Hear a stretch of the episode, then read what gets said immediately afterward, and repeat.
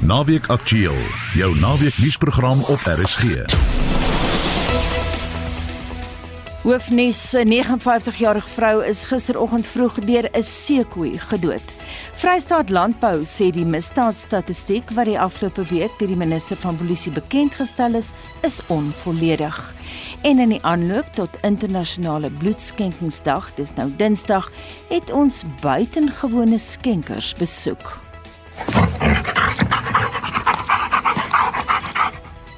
Die span vanmiddag in die ateljee is redakteur Marlenae Forsie, ons produksieregisseur Johan Pieterse, ek is Anita Visser. President Cyril Ramaphosa sê hy gaan nie reageer op die rooftog op sy plaas in Limpopo nie. Hy kon die nasionale vergadering gister eers na 'n vertraging van 3 en 'n half uur toespreek. Celine Merrington berig die EFF wou Ramaphosa nie 'n spreekbeurt gee voordat hy nie antwoorde verskaf het oor die aanteggings teen hom nie. Dit was die een punt van orde na die ander. This parliament. Mr. President, my hand has been up. Can you please Mr. President, me? the honorable the president But on a point of order, Speaker, the honourable point of order, point of order, Speaker. No, uh, no, Speaker. Point, point of order, no. Speaker. The same thing that we have no. been telling you about, Speaker. No, you are doing Speaker. it again. Point of order, Speaker. gender-based violence, and you are silencing women in uh, this Parliament. Point of order, Speaker. Point of order, Speaker. The Honourable Piwaba's hand was Point up. of order, Speaker. For the longest time. Point of order, Speaker. Die kwessie was of die president hulle mag toespreek en speaker Nosiviwe Mapisa Ngakula het haar hande vol gehad. After 3 hours that I am not taking any more points of order and I hate to say this the points of order which are being raised are similar points of order and clearly there are points of order which are meant to collapse the business of the day. Lede van die EFF wat bygedra het tot die wanorde is gevra om die vergadering te verlaat. EFF-LP soos Bonita Maree beweer intussen dat hulle seksueel aangerand is deur die parlement se beskermingsdiens toe hulle uit die raadsaal verwyder is. Sergeant in arms, will you please assist Honorable Maree point of order speaker? Because the men are touching our private parts. No, they must bring, you must no, bring them to remove us. Not men. They will make a case against you. Just because the men touch us yesterday. Mapisa Ngakula sê die aantuiging sal ondersoek word. Omtrent 3 en 'n half ure later kon Ramaphosa LPS toespreek, maar hy sê besonderhede oor die rooftog op sy plaas kan nie nou bespreek word nie.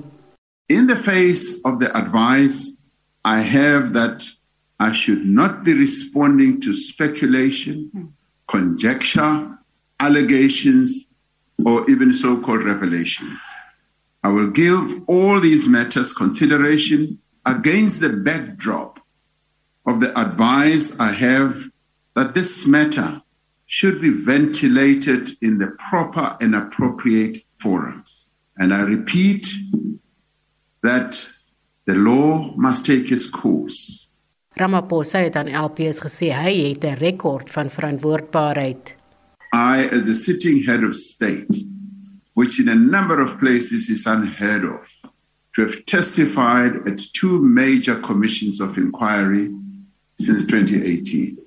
Other heads of states never submitted themselves to that level of inquiry. I want to reassure and indeed remind this House that accountability is a responsibility I have never shirked away from or shied away from.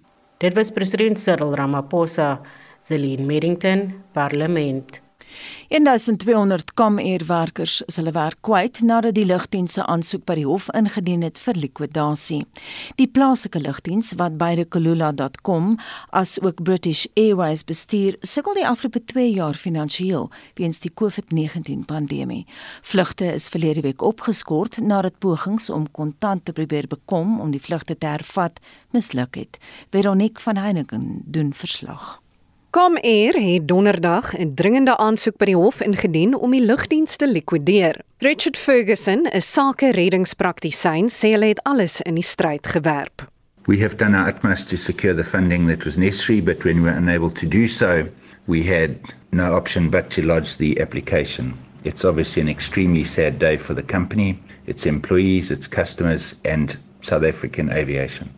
Die metaalwerkersvakbond Nomsa sê Comair werknemers is geskok deur die beplande likwidasie.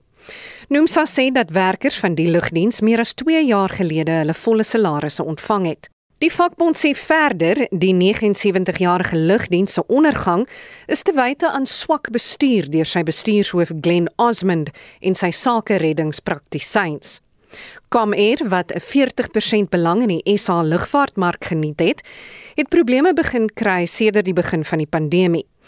As gevolg van stygende brandstofpryse en nuwe mededingers, is hulle genoodsaak om minder vlugte te onderneem. Die lugdiens is in Mei 2020 in sake redding geplaas. Nomsa verteenwoordiger Pakamile Hlubi-Majola werp meer lig op die situasie. They've not bothered to engage workers in a meaningful way, and they took decisions unilaterally without consulting stakeholders.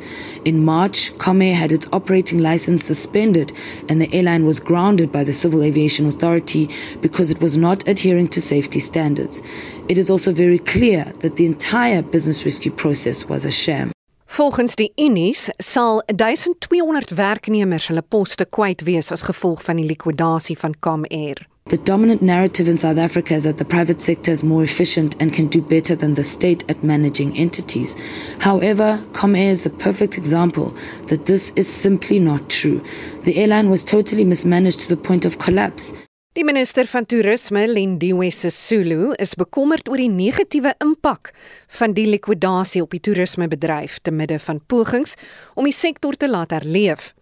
Haar woordvoerder, Mpumzi Zuzile, sê hulle bekommer dat Comair se mededingers die situasie gaan uitbuit met hoër pryse. A number of schools will be closing for their June holidays, and a number of tourists from international destinations coming to South Africa for their summer holidays. Air travel is a key pillar for South Africa's tourism recovery, and I am confident that the memorandum of understanding between South African tourism that was signed with Emirates will bear fruit soon. Similar efforts are underway with Qatar Airways that will help serve to fill the gap that is left by ComAir. Comair wat ook onlangs aangekondig het dat hy beplan het om die jaar 4 miljoen passasiers te vervoer, sê daar is wel passasiers wat nog op hulle terugbetalings wag en nou krediteure van die lugdiens sal word. Die hof sal die aansoek vir tussentydse likwidasie op Dinsdag 14 Junie aanhoor. Die verslag is saamgestel deur Amina Akram. Ek is Veronique van Heiningen. En ons bly by die storie en praat nou met Dawie Roodhuis, hoof-ekonoom by die Efficient Groep. Goeiemiddag Dawie. Ja, goeiemôre Anita. Dis die eerste keer dat ek nou met jou praat op Naweek Aktueel, so baie welkom. Dawie, dankie. Sê vir my, jy het nou geluister na hierdie insetsel deur ons kollega, het jy enige kommentaar daarop te lewer?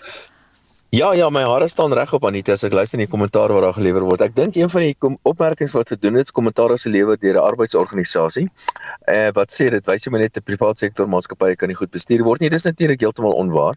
Uh kom hier is wel ek dink ouer as 70 jaar. Dit was vir elke jaar sover ek weet, behalwe vir die laaste 2 jaar was dit 'n winsgewende besigheid. Dit was uitstekend goed bestuur geweest. Ek dink is die oudste lig redery in Suid-Afrika gewees en een van die redes hoekom kom hier ondergegaan het uh, het te doen met die feit dat Suid-Afrikaanse lugdiens met jou belastinggeld en my belastinggeld teen hulle gekompeteer het en dat Suid-Afrikaanse lugdiens hulle as ek dit nie mis het nie oor die 700 miljoen rand nog steeds skuld. So die Suid-Afrikaanse lugdiens is die ding wat in die afgrond in bestuur is en dis een van die redes hoekom kom er onder andere dan nou ook gesneuwel het op die ouend. So dis daai een kommentaar. Die ander een het te doen, ek dink is met die kompetisiekommissie wat nou dreig met al met die met allerlei goed indien die oorblywende lugdienste hulle pryse sou verhoog en dit is weer 'n keer iets wat mense hare behoort te laat regop staan, want dis presies wat hulle veronderstel is om te doen. Die oorblywende lugdienste is veronderstel om hulle pryse te verhoog. Hier's 'n geleentheid vir hulle om dit te doen en hoe meer hulle hulle pryse gaan verhoog, hoe meer aantreklik raak dit vir kompetisie om die mark toe te tree. En natuurlik dis wat ons nodig het, werklike kompetisie. So dis weer 'n keer staatsinmenging, politieke inmenging wat hierdie hele mark gaan ontwrig en natuurlik op die ou end is dit ek en jy wat die prys daarvoor gaan betaal. Die enigste en die korrekte manier om hierdie probleem aan te spreek is natuurlik om 'n omgewing te skep nie net vir lugdienste nie maar vir alle besighede om maklik besigheid te doen in Suid-Afrika uh, en dit is net eenvoudig nie maklik om besigheid te doen in Suid-Afrika nie soos ons weet. Maar dis twee opmerkings wat ek het oor die kommentaar wat jy nou nog gespeel het. Wat kan ons doen om nog 'n saak daar te beredder? Wat is die kanse dat Kalula byvoorbeeld oorgekoop kan word, 'n nuwe baadjie kan aantrek? Wat dink jy Dawie? Ek dink hulle het baie skade gedoen in terme van hulle van hulle beeld. Mense gaan nou twee keer dink voor jy nou 'n kaartjie gaan koop op Kulula. Kulula dit is dieselfde soos mense nou twee keer gaan dink op Suid-Afrikaanse lugdiens. So as as daar nog waarde is in die in die handelsmerk, dan reken ek is daar seker nog waarde in in hierdie in hierdie bate om gedeelte daarvan oor te koop. Maar ek is nie heeltemal seker hoe werk hulle spesifieke plan nie, maar waarskynlik huur hulle die meeste van hulle vliegtye want dit is die tipiese besigheidsplan van die meeste lugdienste wêreldwyd dat die vliegtye behoort nie direk aan hulle nie die vliegtye word gehuur en eintlik is dit maar net die handelsmerk wat iets werd is uh, van van 'n lugredery. So so ek dink nie daar gaan noodwendig veel waarde daarin wees op sigself nie ek dink wat meer van meer belang is en so te loops daar's ander uh, lugdienste in Suid-Afrika wat, wat onder moeilike omstandighede eintlik relatief goed doen. Mm -hmm. so as ander relatief goed kan doen dan dink ek is die sekerlik plek vir nuwe toetreders deur die mark ook. Baie dankie en so sê Dawie Rood hoofekonoom van die Efficient Groep. Vir slegs R560 kan 'n wynmaker van Stellenbosch een skoolier vir 'n volle skooljaar voorsien van ontbyt en middagete. Die Carmen Stevens Foundation help meer as 25000 kinders van die dorp se armer gemeenskappe. So in 2014, ek het begin baie klein, so 5 ton net eers die mark getoets en ek was pleasantly surprised. Die wyn het uitverkoop soos in oornag en ons het gegroei en gegroei. Maar as ons vier dit besluit miskien moet ek dan op permanent op my eie gaan. En so ons koop drywe in verskillende growers en ek weet dit regtig amazing growers. Mense wat regtig na my luister wat wil hoor wat ek te het vir daai ekstra myl gaan and I love him for that En ons het oor die jare het ons gegroei tot 'n punt waar ons nou staan op 160 ton drywe wat ons verwerk. Ons het absolute hands-on approach. So ek is 'n baie aktiewe wynmaker in die kelder. My beleid is what I can't do myself, I cannot expect somebody else to do.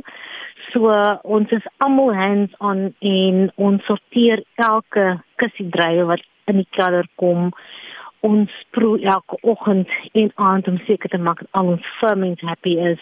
Ons gaan regtig die ekstra maak om baie eksperimente doen, verskillende goedjies met wyn wat ons kan doen in die kelder om vir ons die geleentheid te gee om te kan komponente te hê waarmee ons kan blend en ons bottel op ons perseel, ons etiketeer op ons perseel en as gevolg van dit sê ek ons lese is dat elke bottel wyn carries the fingerprint of everybody in the cellar en dit ons sit regtig ons hart en siel in elke bottel wat ons in die mark instuur. So gepraat van jou hart en siel. Dit lyk my jy sit maar jou siel ook in die gemeenskap in want jy het 'n stigting geloods om die mense in nood in jou gemeenskap uit te help. Vertel ons meer daarvan. Die mense wat ons wyne koop, het 'n paar jaar terug het gesê kom in ons hoor jy is involved with community development om na die gemeenskap om te sien. Baie klink begin in 2011 waar ons 300 tot 500 kinders 'n koppie sop drie keer 'n week gegee het. Vandag as gevolg van die hulp wat ons kry die UK die mense wat my wyne koop wat ons support gee ons oor die 25000 kinders 'n breakfast en 'n lunch. 125 skole in die Weskaap en we growing. En ek het begin my sopkombuis in Belha vir drie verskillende skole aanvanklik. Dan ons het die geld en ons het befondsing gekry die UK as gevolg van die mense wat wyne koop. Het ons besluit ons kan verder uitgaan en ons kan heidaglik 'n kind vir R560 vir 'n hele skooljaar ook ontbyt en 'n middagete gee. Ons is van verlies ons Ceres, Delha, Stellenbosch, Saldanha, Makassar, Delft, ons in 33 communities. En dit is Carmen Steven van Carmen Stevens Wines in Vincent Mofokeng het met haar gepraat. Die FHK vier môre Mimi Koortse se lewe en sangloopbaan by die Voortrekker Monument in Pretoria. Die spesifieke dag is gekies omdat die opera diva in die volksmond bekend as ons Mimi dan 90 jaar oud sal wees. Naweek Aktueel het met behulp van Karen de Tooy op 'n onderhoud in die SAIK se klankargief afgekom wat iets sê oor Mimi se sin vir humor asook haar betrokkeheid by Richard Strauss opera rolle. Werner Fels het in 'n onderhoud met Mimi wat in April 1974 uitgesaai is op die program in die voorportaal gepraat oor Strauss asook Mimi se werk by die Weense Staatsopera. Daar is omtrent 3 of 4 operas wat hulle opvoer wat ek eintlik trots is om te sê wat hulle kan opvoer as ek nie daar is nie. ja, dit is wonderlik om te hoor. Ek wou vir jou gevra ja. watter Richard Strauss rolle is daar wat jy nou nog nie gesing het nie. Ooh, nee, daar's vreeslik baie. Eintlik is daar so baie wat ek graag wil sing wat glad nie in my stemvak is nie eerlikheid daar's in Rosenkavalier die Marceline wat ek grasse wou sing. Daar is in Ariadne of Naxos wat glad nou nie hoor dis nou droomgoedjie die Marceline sal ek sing as ek ouer is. Maar ek praat nou van in Ariadne of Naxos is daar byvoorbeeld die komponis wat glad nou nie my dis 'n metse so praat maar dis natuurlik nou ook 'n droom wat ek het. Nie daar's 'n klomp wat ek nie kan doen nie. Maar wat ek nou wel gedoen het is Schweigsame vrou die Aminta wat die hoofrol is. Dan in Egiptiese Helena het ek die Aitra gedoen wat nou die die towenares is Dan het ek die Fiakermilie in Arabella wat ek al van 57 af die enigste sangeres in die Weense Staatsopera is wat dit doen. Dan het ek uh, die uh, Serbinetta al gesing in die Ariadne of Naxos, maar nou nie meer nie want dit was 'n suiwer koloratuurrol. Dan is ek nou met hierdie Daphne besig in die vrou onder schatten? Nee, nee, in die vrou onder schatten is ek nie dit is 'n is 'n baie dramatiese ding daai. Miskien, maar dit is nie in my vak nie. Het jy enige ander uh opera werk, sal ek nou maar sê, gedoen die afgelope tyd of was dit meestal Richard Strauss? Nee, eerlikheid, kyk, ek het in Januarie maand teruggegaan en toe het ek my gewone uh, repertoire gesing. Met ander woorde, dit is nou verhale van Hofman, al drie die rolle. Ek het Don Giovanni gesing, ek het Entführung aus dem Serail gehad. Ek het die Egiptiese Helena drie keer gehad 'n volprogram. Nee, ek het 'n geweldige volprogram hmm. gehad en dan was die Daphne repetisies aan die gang wat in die begin 5 uur was en toe later 7 ure 'n dag geword het. En ek het in Maart maand het hulle my toe nou so die laaste 3 weke want die premier was op die 1 April, het hulle my toe so 'n bietjie in rus gelaat dat ek eintlik maar net een of twee opvoerings gehad het sodat ek net die repetisies kon doen. Nou ja, goed, nou het ons nou al 3 keer die Daphne opgevoer, nie tussen dit het ek ook nog twee ander opvoerings gehad. En ehm um, Ek gaan nou weer die 9de Mei terug. Dan sing ek eers in die Wiesbadenfees. Dit is nou die Weense Staatsopera wat in die Wiesbadense fees deelneem en ek sal en vier om Constance in dit sing. En uh, dan is ek in Wenen weer die 17de Mei alweer met Arabella, die 19de Mei Daphne en so gaan dit alweer verder.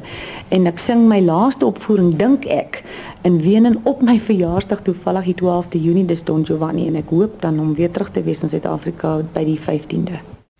En dit dan die stem van Mimi Kurtse en Werner Vels het daardie onderhoud met haar gevoer en dit is opgespoor met behulp van Karen de Tooy van die SAK se klankargief.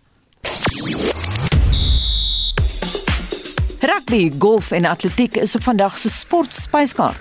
Hier is Christo Gawie. Goeiemiddag, ons begin vandag met rugby nuus. Die Bulls het gisteraand na die eindronde van die Verenigde Rugby Kampioenskap deurgedring toe hulle die gunstelinge, die Ierse span Leinster in Belfast in die eerste halfeindstryd van die kompetisie met 27-26 geklop het.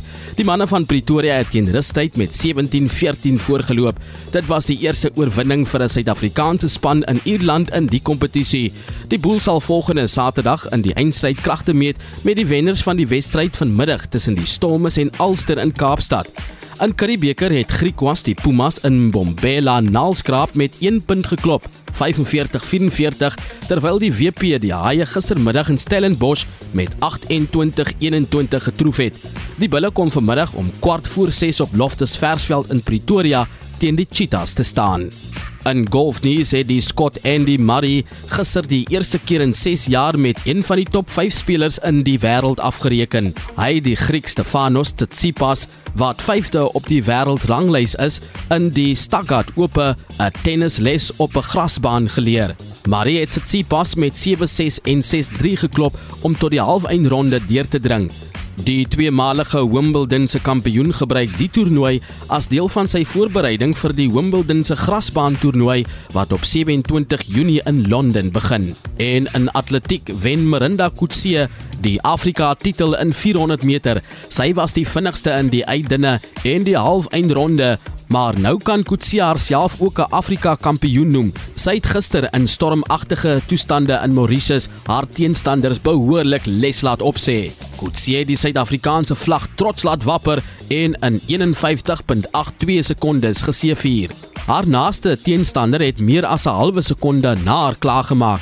Nidi Mingilishi van Zambië moes met silwer tevrede wees in 52.36 sekondes terwyl Veronica Mutua van Kenia die bronsmedalje in 52.76 gewen het. Kutsie se landgenoot Precious Molepo was sewende in 53.78. In die manswedloop het die Keniane wat ook in die uitdinne die vinnigste was, gewen in 39.28 terwyl die Suid-Afrikaanse viertal Enrico Breintjies, die verspringer Cheswell Johnson, Antonio Alcana en Benjamin Richardson 'n entjie agter hulle was in 39.79.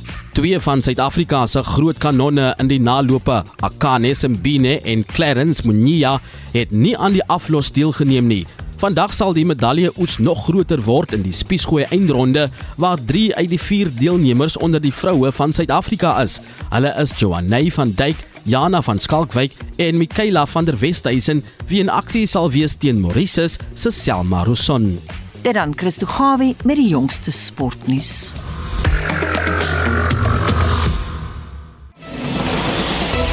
Jy luister na Naweek Aktueel elke Saterdagmiddag tussen 12 en 1. In ons weeklikse motorrubriek bespreek Wessel Pretoria die motor van die jaar terwyl Justin Kennedy 'n nuwe Suzuki bestuur.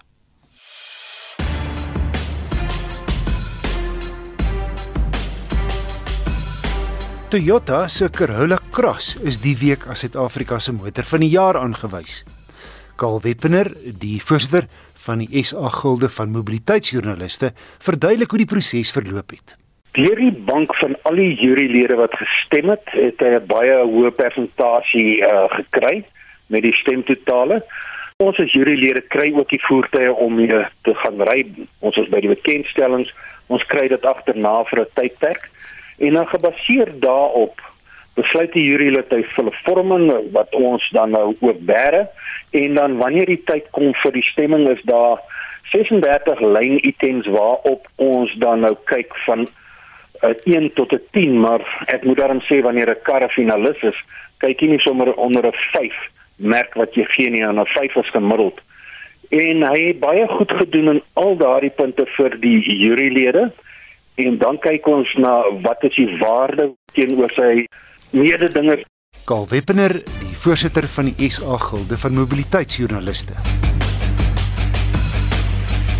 Suzuki het sy Baleno luikerig verfris.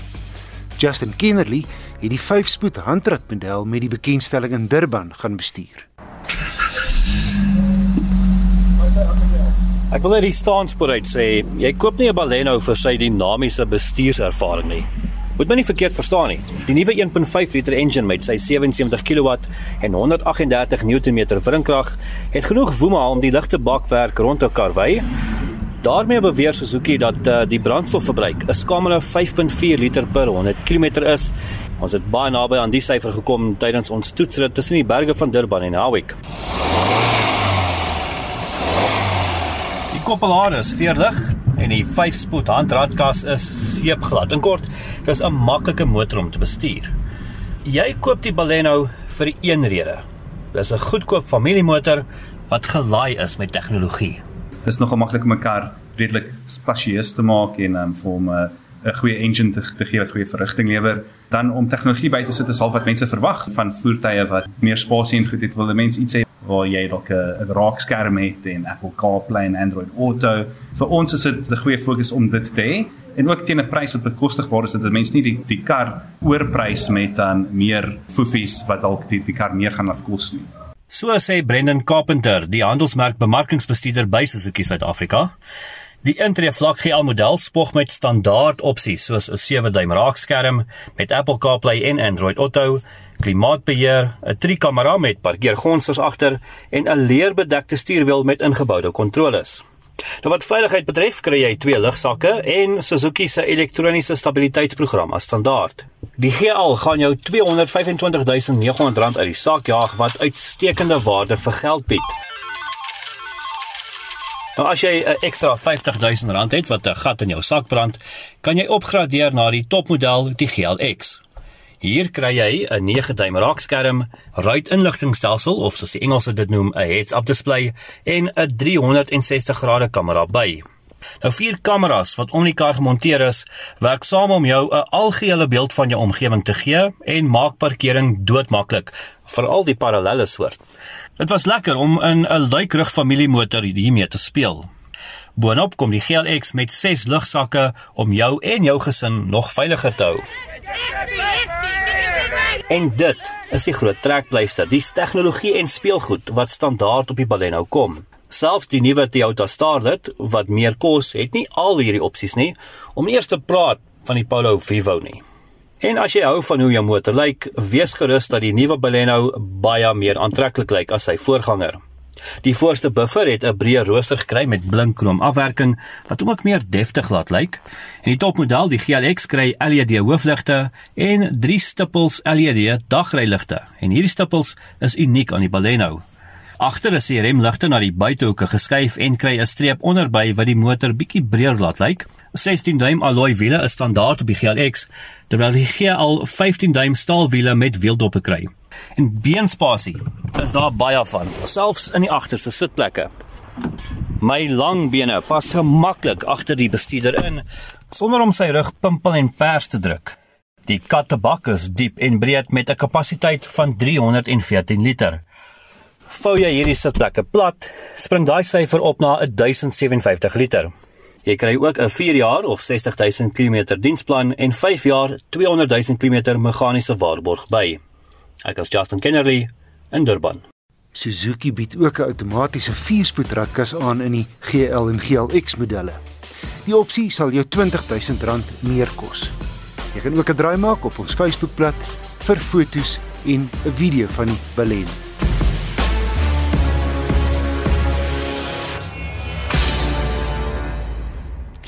Vrystaat Landbou sê die misdaadstatistiek wat die afgelope week deur die minister van Polisie bekend gestel is, is onvolledig. Die organisasie kla dat hoewel plaasaanvalle as prioriteitsmisdaad geklassifiseer is, dit nie eers in die verslag aandag kry nie. Vir meer daaroor praat ons nou met die veiligheidsrisiko-ontleder Dr. Jane Buys en sy is van Vrystaat Landbou. Goeiemôre. Hallo Anita, hoe gaan dit? Dit gaan goed met my. Blykbaar is jy 'n bietjie meer geïrriteerd as ons hier. So jy kla oor plaasaanvalle wat aan die agterspeen suig. Wat is nog fout met die verslag? Ehm um, weet jy ten opsigte van plaasaanvalle uh, het die minister dit 'n paar jaar terug uh, wel bekend gestel, maar ons sien dit glad nie meer nie, net plaasmoorde wat in die ehm um, kwartaallikse misdaadstatistieke vrygestel word en dan nog 'n uh, baie belangrike aspek wat ons regtig uh, mis en wat onvolledig is is dat daar wel net gesê word dat veediefstal mm. toeneem en afneem en dat die getalle per uh, vir die land deurgegee word in terme van watter tipe vee gesteel word. Maar as 'n mens mooi gaan kyk daarna dan is die polisie en die minister maar eintlik die bewaarder, die custodian van misdaadstatistieke, maar dit behoort ook eintlik nie aan die polisie nie. Want die gemeenskappe self moet daarom sekerlik weet watter misdade en watter is die impak en omvang van misdade wat op hulle van toepassing is. Uh die landelike beveiligingsstrategie sê ook dat daar natuurlik plaasaanvalsyfers bekend gestel moet word of dat dit geverifieer moet word op 'n maandelikse basis met die polisie. En as jy 'n strategie daar gestel het, dan moet dit sekerlik daar wees om die impak en die omvang te bepaal want dan kan jy eers bepaal wat moet jy doen om dit effektief aan te spreek en dan moet die implementering van die strategie gedoen word. Maar alle ander misdade wat die landbousektor nadelig beïnvloed word glad nie in die minister se syfers bekend gestel nie. Mhm. Net vee diefstal en dan word daar gesê dit neem toe en dit neem af. So daar's baie ander inligting wat moet uh, na vore kom en wat belangrik is en wat gemeenskappe vanaf die minister en die polisie se se topstruktuur wil hoor. Uh net om te noem van vee diefstal as ek vir jou so vinnig kan sê, Dis belangrik dat ons ons moet weet in elke provinsie watter tipe vee gesteel word en wat is die getalle. Mm. En dan ook daar's definitiewe groeperinge en misdaadsyndikaate hierby betrokke. En dan wat is die hoë misdaadareas in elke provinsie? Die minister gee slegs die top 30 polisiestasies in die land in sy aanbieding uh weer en daar's dit oor 1100 polisiestasies. So ons wil graag weet in die Vrystaat ook en dan wil ons weet wat is die arrestasiesyfers ten opsigte van veediefstal. Hmm. Uh en hoeveel van daai sake wat dan nou deur die polisie se veediefstal eendige eenhede uh, suksesvol gearresteer is, die persone wat betrokke is wat Hoeveel van hulle word suksesvol in die howe vervolg? Jane, ek wil net gou hier inspring. Ek het nou al verskeie misdaad stories en spesifiek vee diefstal in Mpumalanga gedoen met die boere daar gesels. En een rede hoekom die statistiek uh, dalk foutief is, is omdat baie boere nie eers meer vee diefstal aanmeld nie. Is dit dieselfde geval in die Vrystaat? Dit is. Dit is so omtrent 20 na 30% van die boere meld vee diefstal aan, die ander meld dit glad nie meer aan nie aan die polisie nie. So daai prent is totaal onvolledig, maar ten minste ten opsigte van die aangemelde syfers wil ons ook uitgebreide statistieke sien van die minister. En in terme van hoe hy dit ook operasioneel aanspreek, watter operasies is van stapel gestuur en en hoe het hulle probeer om dit aan te spreek die polisie. Jy het net um, nou gepraat van 'n probleem met implementering. Daar word baie planne gemaak, maar dit word nie mm. geïmplementeer nie. En die ander ding wat jy gesê daar's baie is uh spesifieke syndikaate wat betrokke is veral by vee diefstal. Weereens hoor 'n mens Jane dieselfde storie in Mpumalanga. Dit is so en dan die feit van die saak is net ons weet daar is dit is 'n dis 'n georganiseerde misdaad en die polisie weet dit ook. Maar as jy georganiseerde misdaad wil aanspreek, dan moet jy amper op 'n ander vlak en 'n ander manier die misdaad probeer aanspreek en dit dan uh, daarvolgens doen. Uh dit dit is dit, dan moet jy amper sê al jou operasionele eenhede en komponente daarbey betrek. Mm. En dit is nie op hierdie stadium soos wat ons dit sien nie. Ek bedoel daar's vier diefstal eenhede maar georganiseerde misdaad en die valke ensovoorts se betrokkenheid by die ondersoek en dan ook die voorkoming daarvan uh skiet ver te kort. Baie dankie en so sê Dr Jane Buys, sy is 'n veiligheidsrisiko-ontleder van Vrystaat Landbou. 'n 59-jarige vrou is gisteroggend vroeg deur 'n seekoei gedood by die Isimangaliso Vleilandpark in KZN. Sy wou inheemse gras in die water gaan oes. Naweek Aktueel het vroeër vanoggend met 'n woordvoerder van die park, Bekkie Manzini, oor die insident gepraat. Becky, I understand there had been a meeting about the dangers of going into harvest at this time, especially with the high water levels. So these people were basically breaking the rules. What we have done as Mangaliso Wetland Park Authority, together with SMVL, KZN Wildlife, is that we always, during this season, hold meetings with the community to ensure that we plan together the program, the harvesting program of INEMA. Like all other years, this time we had the first meeting in March 2022 and the second one was held in April, precisely to discuss and caution the communities about the dangers of going there unauthorized because you can easily get encounter with the wild animals that live in water in that area. And of course, early morning makes it especially dangerous. Absolutely. The early morning hours is the time when the hippos are very active because that area is infested with hippos as well as crocodiles. So that time of the day when the incident happened, it happened in the early hours around 5 in the morning. It was pretty difficult and dark as well as too dangerous for anyone to start harvesting at that time of the day. So, what is the message to the community now? Are you going to follow up with more talks? Our plan as a Smangalisa and as Mvelo is that we are going to continue engaging the communities because they also have structures in the community leadership structures which organizes the community when it's time for harvesting. So we will continue engaging with them including the local leadership like Amakosi, as well as the other leadership structures in the area, to caution the, uh, the communities about the dangers of going there and also ensuring that we, at any point, when the members of the community want to go and harvest in Myanmar, they do that in a legal and organized manner so that they can get protection from outside because we always, when it's harvesting time, we always get our park rangers to protect, to go out with them so that they can be protected from any wild, dangerous game that is found in that area. Unfortunately, it happened outside of such arrangements that we normally have with the community. Becky, have you had similar incidents before where people have paid with their lives for breaking the rules? When it comes to England like this, in the recent past, we do not have the record of such incidents that happen because we normally do it under an organized, coordinated manner.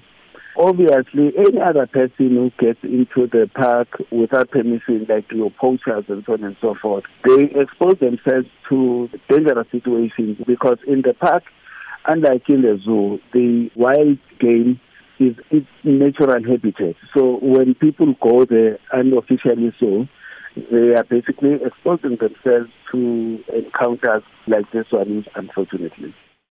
En so sê 'n woordvoerder van die Isimangaliso Vlei-land Park in KZN, Bekkie Mansini. Dis nou 12:40 en tyd vir Leon van Nierop wat vandag 'n kritiese blik werp op die vermoë van lokettreffers om rolprentteaters te laat herleef.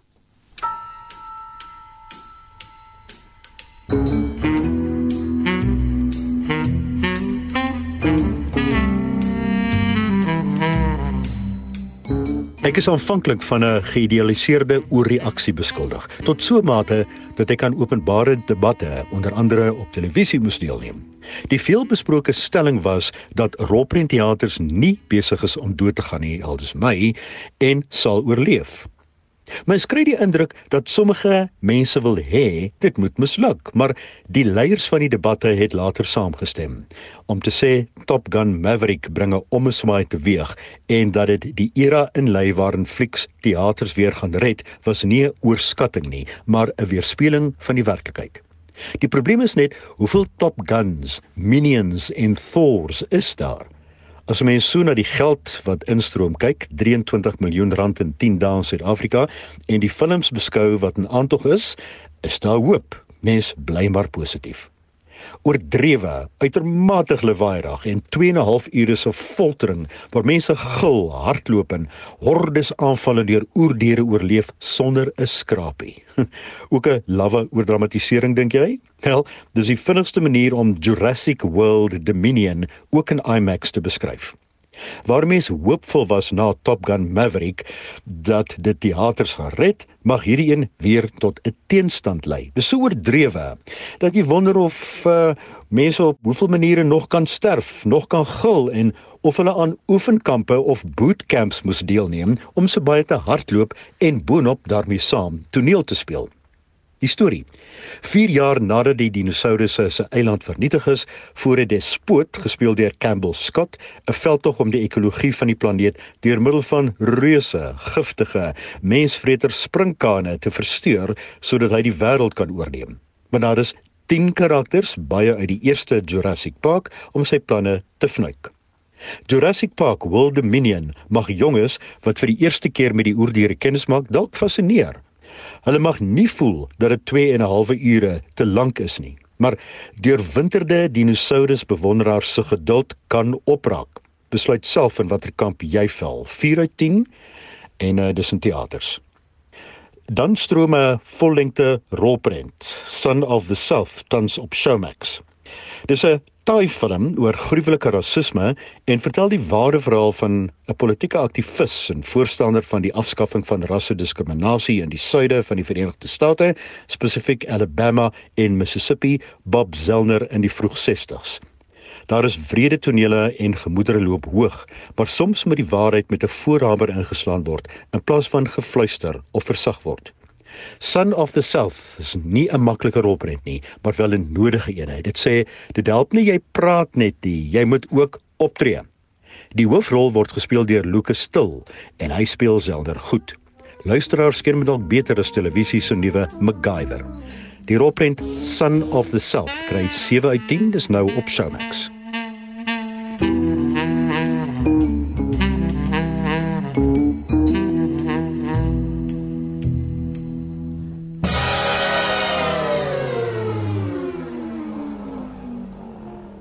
Dinsdag is internasionale bloedskenkingsdag.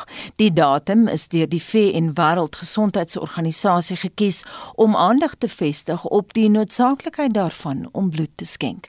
Hier praat ons egter van mense, maar wat van diere? Naweek Aktueel het die afgelope week by die fakulteit veeartsenykunde aan die Universiteit van Pretoria by Onderste Poort, noord van die stad gaan inloer om te sien hoe die bloedbank daar sy plasma in die hande kry.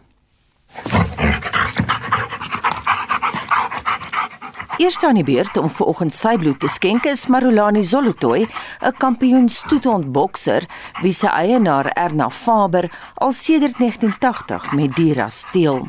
Alhoewel 29 kampioene al deur Erna se hande is, blyk sy 'n besondere band te hê met Zolotoy wat 'n veteraan bloedskenker is. Trouwens, vandag is sy 15de keer. 'n Vreugde om mee te werk, volgens Suster Marisel de Klerk, wat saam met die hoof van die bloedbank, Dr. Jolande Rautenbach, 'n spesialis veterinêre patoloog, die diens bestuur. Hy hou daarvan om aandag te kry en Hulle Zulu toe en natuurlik. Kyk vir my um, is dit lekker dat hulle voorspelbaar is. Want ek ja. hou van skenkers wat ek weet wat ek kry. Hulle het ook die regte bloedtipe die boksers. So daar's verskillende bloedtipes in die hondewêreld en hulle is seker 90% die regte bloed. So vir my is dit lekker om hierdie hond te bloei en om sy bloedtipe te moet toets is nog 'n paar rand. So daar's sekere van hierdie wat ons antigene voortoets om te kyk of hulle meer as een keer kan bloed skenk vir ander ene. So meeste van die honde in my bloedbank is universele skenkers en hy is een van die universele skenkers. So hoeveel bloed skenk hy per sessie? Hy kan 15 tot 18 ml per kilogram en hy weeg so 30 kg, so hy kan 'n hele 450 skenk op 'n slag. Hulle hou van die hele ding hier rondom dit. Dit is glad nie dat enige van hulle hier in sluip en bang is of enigiets nie. Onthou ons sosialiseer hulle ook. Mm. So nie die eerste dag wat ek hulle sien stap hulle in en dan sit sommer net bloei nie. Party van hulle kom kuier eers, party word eers gewoond gemaak aan die haarknipper. Die hond wat die meeste hier gekom het voor hy die dag bloed geskenk het was Zaro en hy was 7 keer hier. So dit is 'n eienaar wat vreeslik deurgedruk het en net besluit het hy gaan hierdie ding doen. En wat se ras was hy? Hy 'n Duitse herdershond. Maar groot dominante reën, nie gekastreer nie. Marisel, is daar rasse wat nie goeie skenkers is nie? Nee.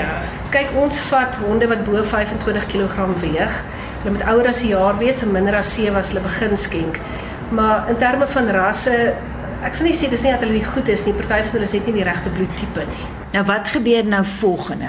So hy gaan nou getoets word om te kyk of hy gesond genoeg is om bloed te skenk. So ons gaan 'n bietjie bloed by sy voorarm trek en om te gelykertyd sedeer en dan swaai ons die bloed af om te kyk wat is sy rooi bloedselpersentasie. Dit moet 'n sekere hoeveelheid wees vir hom om te kan bloed skenk. Ons doen dit met al die skenkers. Dan een keer 'n jaar word hulle lewer en niere getoets. As hulle aanvanklik in die stelsel inkom, doen ons die bloedtepering en 'n volbloedtelling en dan die lewer en niere toetse. En dan elke keer een keer 'n jaar nie weer die tepering nie, maar die ander toetse wel.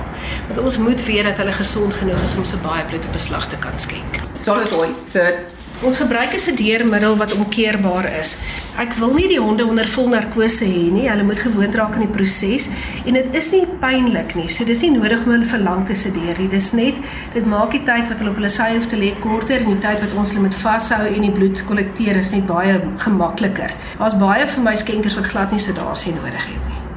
Wat is my ding? So okay, hoor. Skus. So ek het nou 'n bietjie bloed getrek dat ons kan toets en dan deur dieselfde gaatjie gaan ek hom nou hier kom maar los dankie gaan ek hom nou sedeer ook. Jy kan sien is verskriklik min wat hy nodig het. Mm. so dis 'n ou katspoegie sedasie hy mm. gaan nie heeltemal omdop nie. Oh, so ons het nou die bloed getrek en dan moet ons die bloed toets om te kyk of hy gesond genoeg is om te kan bloed skenk. Klinies lyk hy normaal en dit maak baie staat op my eienaars. Hulle sal vir my dadelik sê as daar iets fout is met die hond Maar hier is die bloed wat ons nou getrek het. Nou gaan ons dit in 'n sentrifuge spin. Dis 'n masjien wat vloeistof vinnig in die ronde spin. En hoekom word dit gedoen? Want ons wil hê die bloed moet skei. Die bloed moet skei dat ons kan sien hoeveel rooi bloedselle daar is en dan kan mense ook die plasma sien. So in die plasma kan jy sekere goedjies optel en 'n uh, sentrifuge moet altyd gebalanseerd wees. En dan gaan hy nou vir 5 minute swaai. So die 5 minute sal ons goeie tyd gee dat hulle toe kan rustig raak. Hy is klaar baie rustig. Heerlik, nee. Ek het baie eienaars wat my vra of hulle die hondie nie so mag los nie. so, dan kan ons sien gesond genoeg. Normale tellings vir 'n hond is 33 tot 55%. So dis 'n rooi bloedsel persentasie.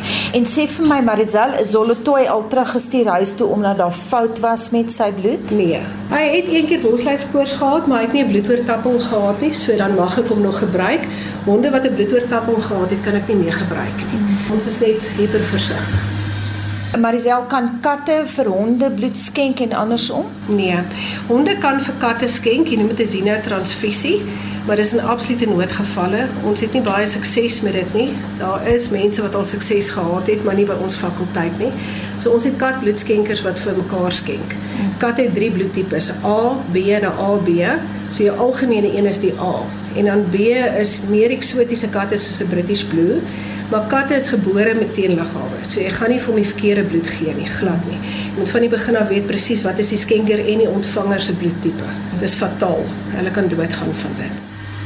Intussen het die sentrifuge bepaal dat Zolotoy se rooi bloedsel persentasie perfek is. Dis 45% en honde het net 40% nodig om te skenk. En terwyl suster Marisel vir Zolotoy begin skeer, vertel Erna meer oor haar bokser stoetonde. Hulle bly by my. Hulle is mos myne. Mm, ja, dit ja, hulle bly daar vir ewig. Dit's my kinders. So dis nou hulle wat nou al 12 en 13 jaar oud is en dan het ek dan my jongetjie van 'n van 'n jaar oud. Ek sê wat hy om as al die ou teelhonde bly nie. Want hulle almal is bloedskenkers. As hy so nou te sien waar die aar loop, dit probeer bepaal waar is die gilare aartjie en dan maak ons dit so asepties skoon as moontlik.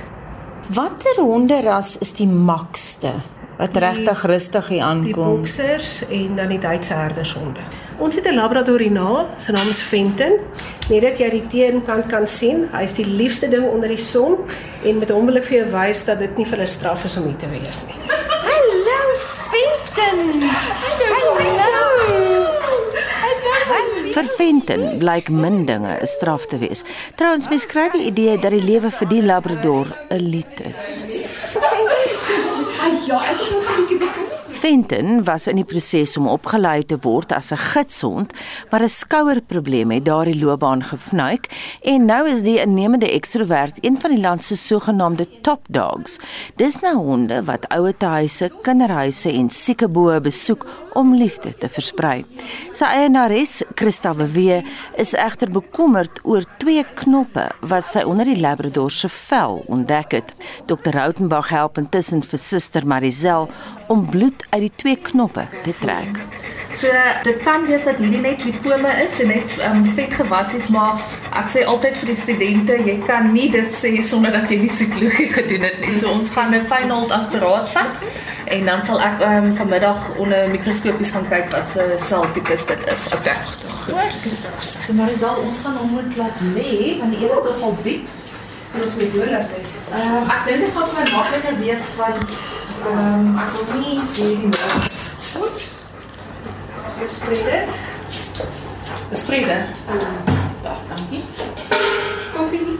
Hey. Sy het hom wel opgetel. Mag ek nog help? Ja, dat ek gou dat ek jou ek sal sy soude vat. As jy sien. Ooh, oei, oei, oei, wag, weg gesit. Wat sê? Ja, sweetjies. Sraag, ek gaan dit net stabiliseer. Ag, so goed. So goeie nuus, makroskopies lyk dit vir my vetterig. Dis albei links, die een sit nie so bietjie reg aan die onder se weefsel en die ander enetjie so bietjie agtertoe hierso tussen my vingers. Aha.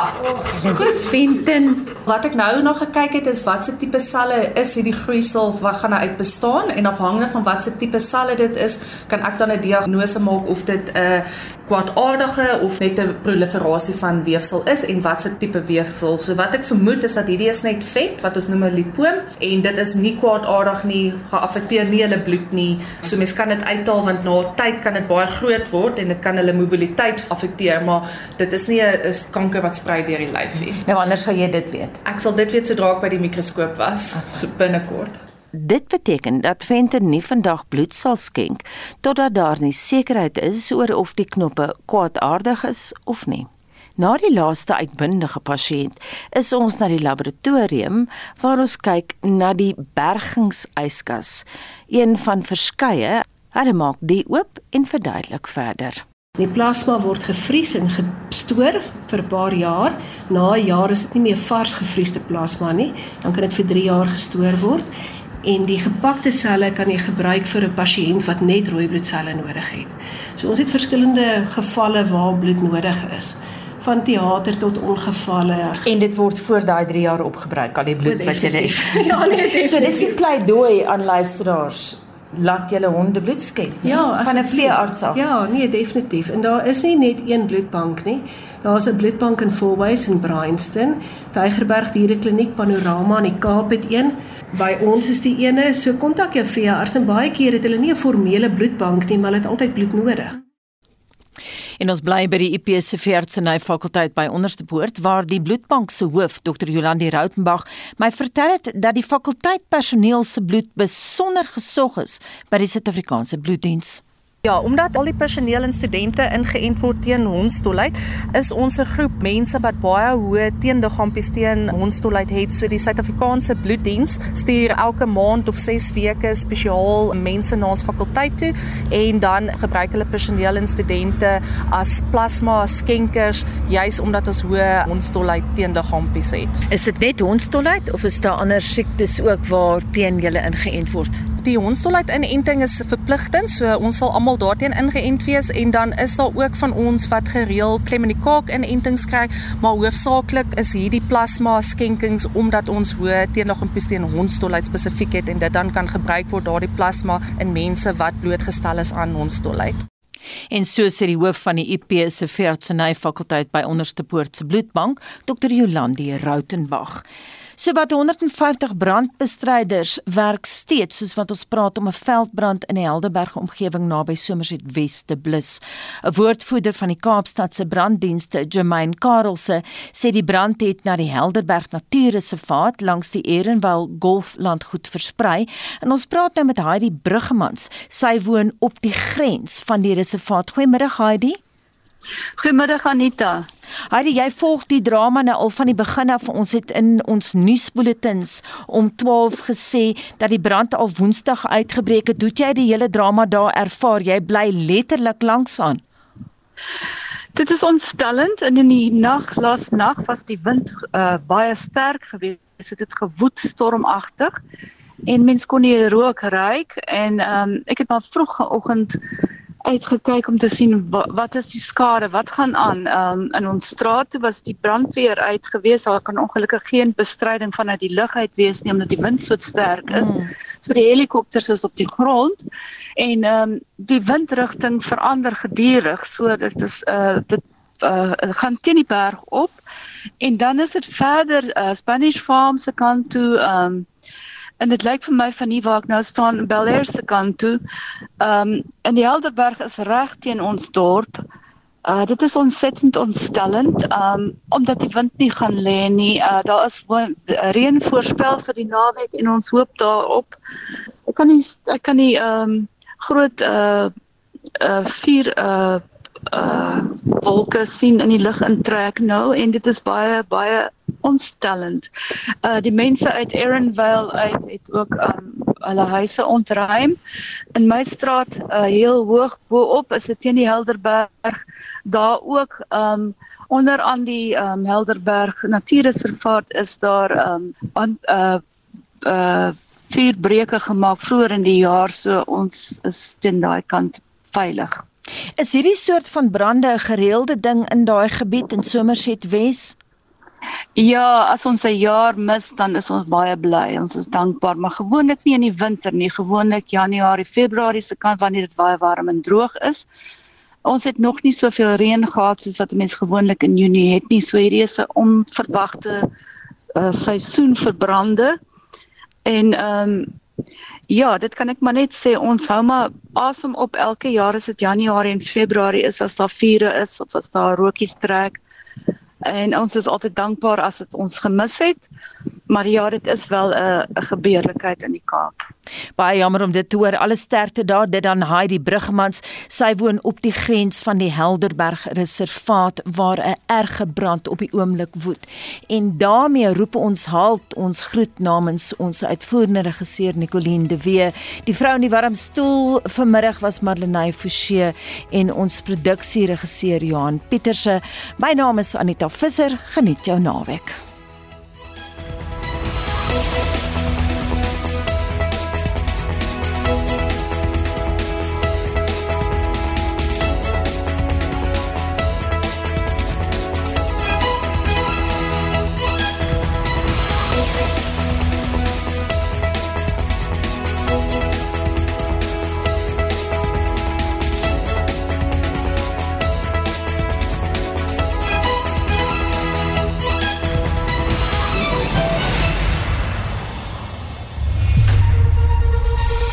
SAK nuus. Onafhanklik, onpartydig.